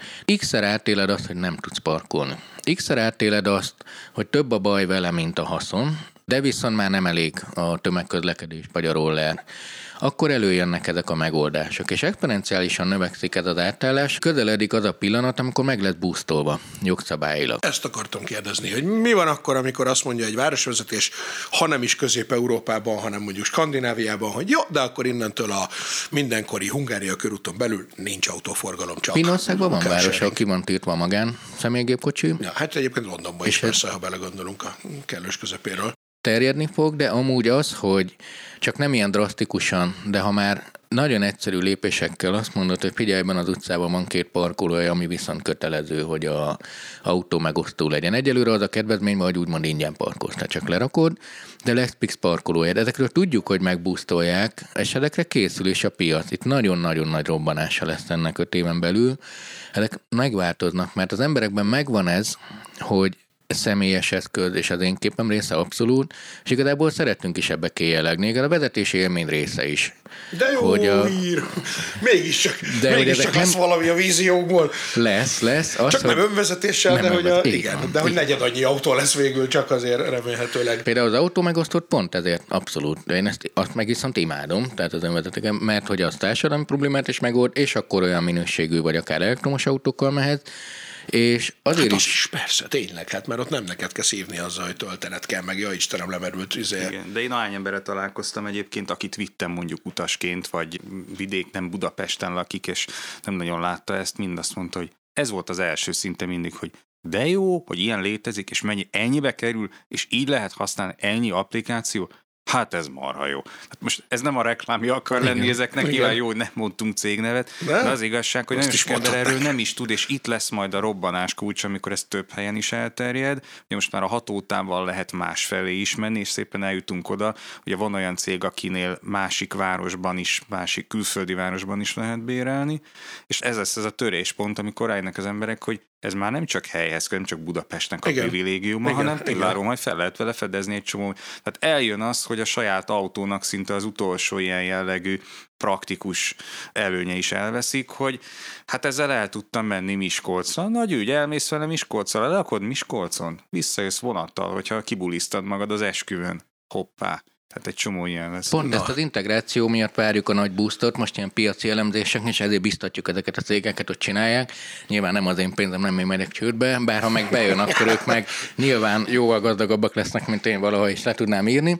De nem, ez látszik azért is, hogy működik, pont azért, mert a világ elmozdult afelé, ha sokkal rugalmasabbak vagyunk, akár a közlekedés váltogatásában. Na most gyalog megyek, most biciklivel, most autóval, most BKV-val, hova, hogy megyek el, nem mindig evidensen egy a válasz. Ez nyilván ahol megtehető. Most a nagyvárosi környezetekről beszélünk, ami azért Magyarországon még mindig főleg Budapestre igaz. Itt lehet játszadozni. És amikor rájössz, hogy a kombinációkkal még több előnyre tudsz tenni, tehát elmegyek vonattal Budapest széléig, onnan a kölcsönautóval elmegyek a nagyvárosig, onnan meg a rollerrel begurulok a belvárosig, és többszörös élménnyel, amikor már az utazási élmény pont azt fogja jelenteni, hogy ezzel szórakozok és variálok, de ezek sosem mindent elsöprő technológiák. Jelen pillanatban ebben a piacban most nem mondhatom meg a számokat pontosan mekkora lehetőség van, de azért mondjuk Budapest harmadát ezt le lehet uralni úgy, hogy akkor ők tényleg használni fogják. De két harmadát nem. mondhatod nem. meg? Mert nem hát tudod, mert, vagy mert fizet, mert... Nem, hanem mert fizettek érte, ja. és ezek egy pontos adatok. Ez legtöbb ilyen cuccról nem lehet beszélni, de hogy de nem azért a harmadát el lehet hozni, de vannak, akiket nem fogsz. Mert például biztonságérzet nem éri meg a váltogatást. Nem fogom a kisgyerekemet átpakolásni más járművekre. Elindultunk így. Nem fogom a nagymamámat elvinni. Az, aki X-kort már elért, az nem fog variálni, hanem megtanult egy bizonyos vezetési stílus útvonalat. Sokkal több az a vezető, aki igazából nem variál, de az útvonal útvonalain sem. Tehát élete javarészében ugyanazokat az útvonalakat járja végig. Őket nem tudod egy új piaccal meghódítani, de nagyon sok embert igen. Budapesten ez különösen itt a, sajnos inkább a negatív oldalról megyünk felé, tehát hogy inkább azért fogják használni, mert annyival rossz más használni, hogy elkezded ezt. Sokkal jobban szeretem, amikor egy győzelemből használják, de mindegy. Igen, és azért nem tudom, így nagyon tapsikolok itt virtuálisan örömömbe. Én, aki aztán tényleg annyira autós vagyok, hogy mindig azt szoktam mondani, hogy az a táskám tulajdonképpen, tehát abba tartok mindent. De hogy mégis mindig szoktam mondani, hogy ha mondjuk öt évenként cserélek kocsit, vagy átlagban, akkor még ezen kívül még egyet biztos kéne mennem, lehet, hogy még egyet is, de utána már valószínűleg nem lesz érdemes. És akkor ezek szerint, ha nem is az önvezető miatt, de lehet, hogy akkor tényleg ebben igazam lehet, hogy mondjuk egy 10-11 néhány éves távlatban nem azt mondom, hogy nem lehet venni, csak hogy már akkor így nem lesz feltétlenül szüksége az embernek rá, vagy nem érzi majd a szükségét, csak akkor már öreg leszek, hogy már annyira se tudok váltani. És viszont az, az, önbe, az az autó, amit majd bérbe veszel, az level 3 és 4 között lesz, tehát egy nagyon biztonságos, most önvezetés szempontból, Igen. tehát a mai szemmel nézve hihetetlen intelligens önvezetőszerű lesz, de hát azért a mostaniak is. Tehát azért mi megértük azt is, hogy a tempomat az mennyire király. Uh-huh. És végül is mondhatjuk olyan hatalmas technológiának.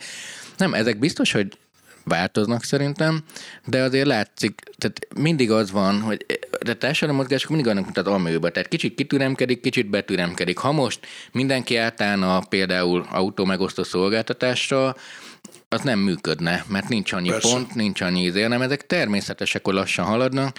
Én nagyon sokat szórakozok ezekkel, és az egész életem egy ilyen társadalomtudományi kísérlet, de például csak azért két hónapig autómegosztó szolgáltatást használtam, hogy lássam, milyenek, hogy, hogy beülve az ember csak beszéljen, hanem akkor kötelezően azt kellett használni, nyilván annak is sok előnye volt, sok hátránya. Például pont ez a helyzetfelismerés dolog, amíg sosem lesz minden autó ugyanolyan. Egy ö, autó megosztó szolgáltatásnál benne van az is, hogy, hogy kicsit más autóba ülsz mindig. Igen, igen, ezen is gondolkodtam, más. de jó, lehet minibe, BMW-be, nem tudom, izé, mert hogy ott ilyen viszonylag jó autók vannak, ha jól gondolom. Vagy ilyen márkás autók, is, nem? Sokféle, tehát van viszonylag alapmodell is, ugye nyilván ez is egy, itt ül velem szemben, aki a piackutatását csinálta, biztos volt egy ilyen aspektusa is ennek, hogy milyen autót szeretne az átlag carsharinges, és nyilván azért a carsharing cég sem mindegy, hogy mire lő, mivel csábítja el a vevőt, hogyha valaki úgy gondolja, hogy ő szeretne prémium autót használni, de eddig az nem volt, és most meg hirtelen viszont van.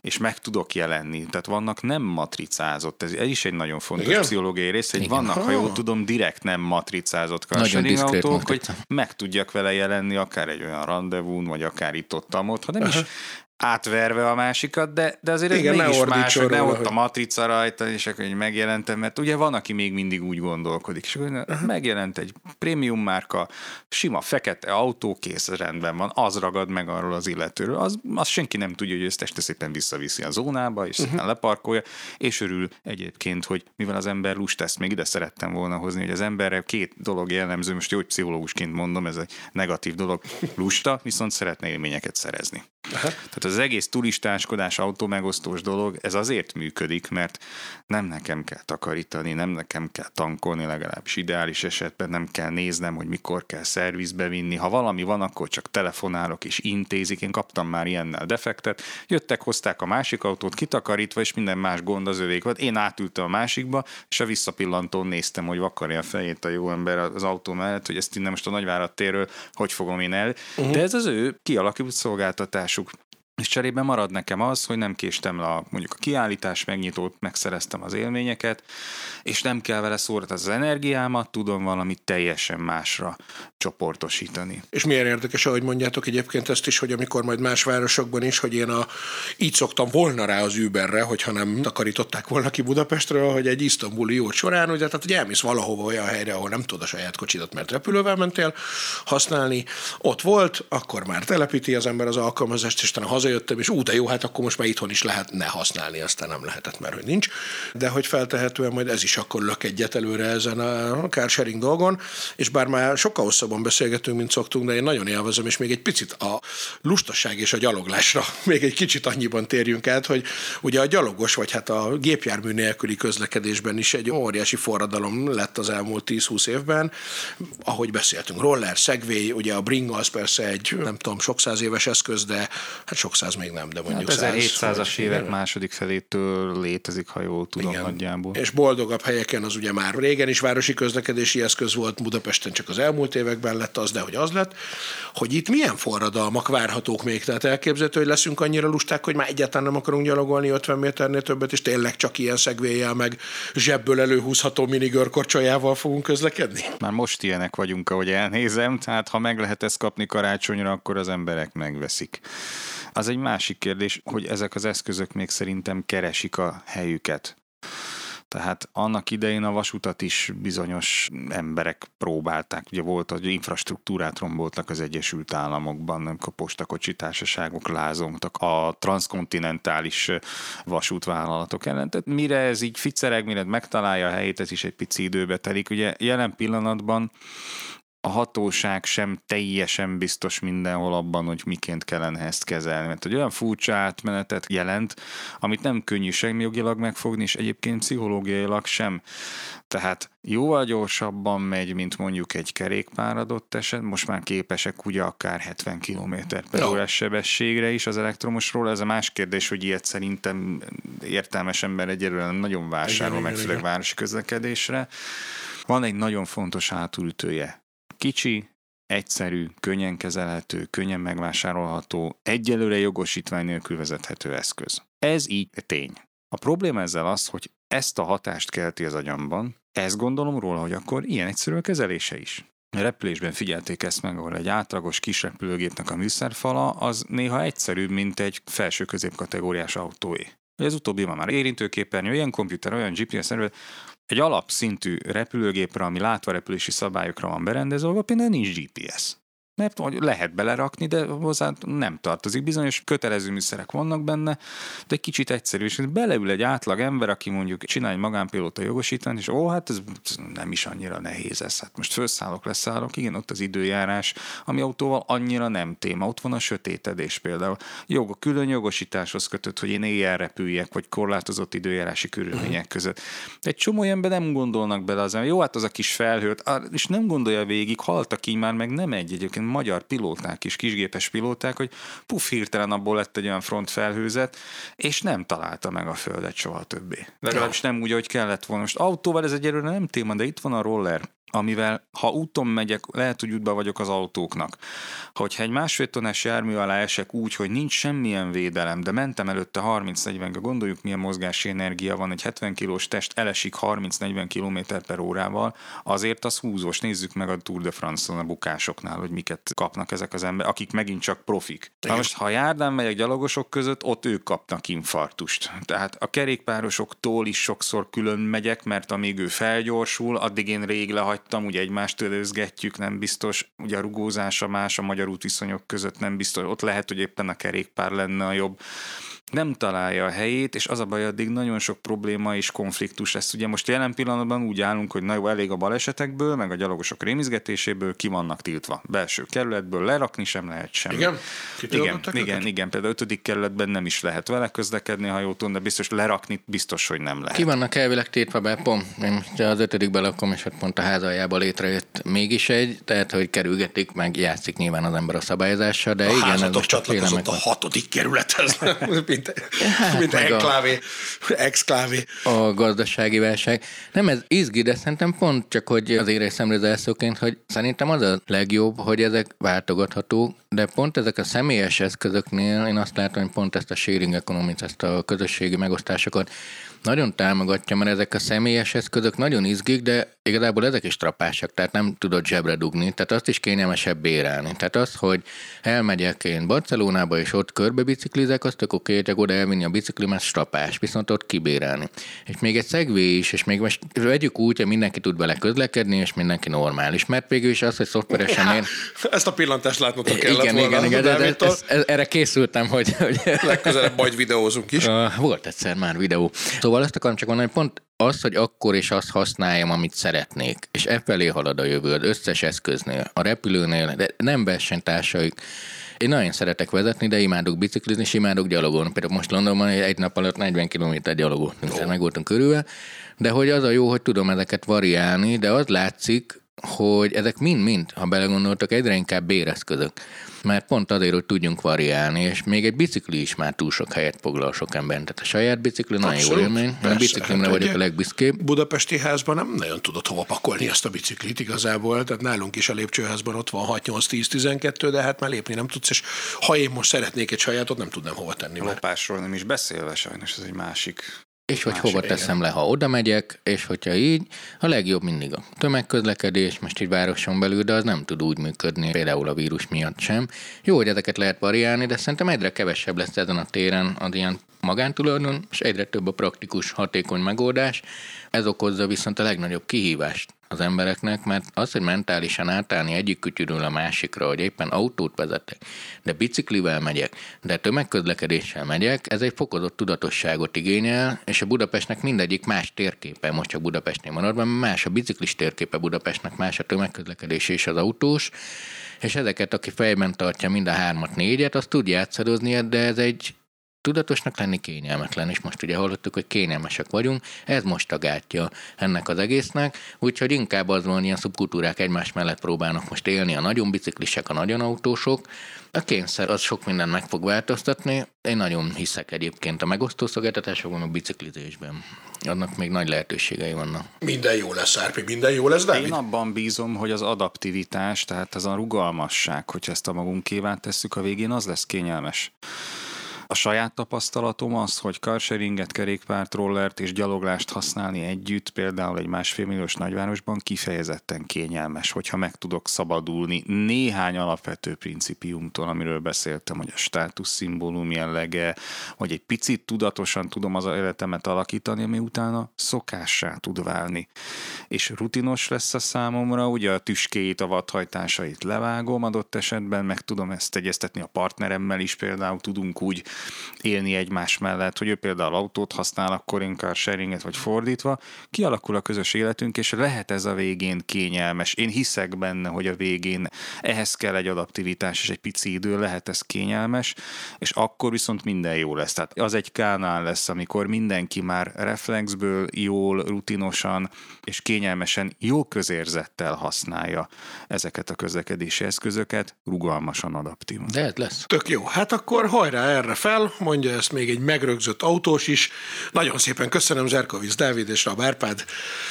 Találkozunk legközelebb is, és szerintem még Dáviddal is biztos lesz még olyan adás, amikor lesz még miről beszélnünk. Sziasztok! Sziasztok! Köszönjük szépen, szervusztok! Ez volt a jövő zenéje.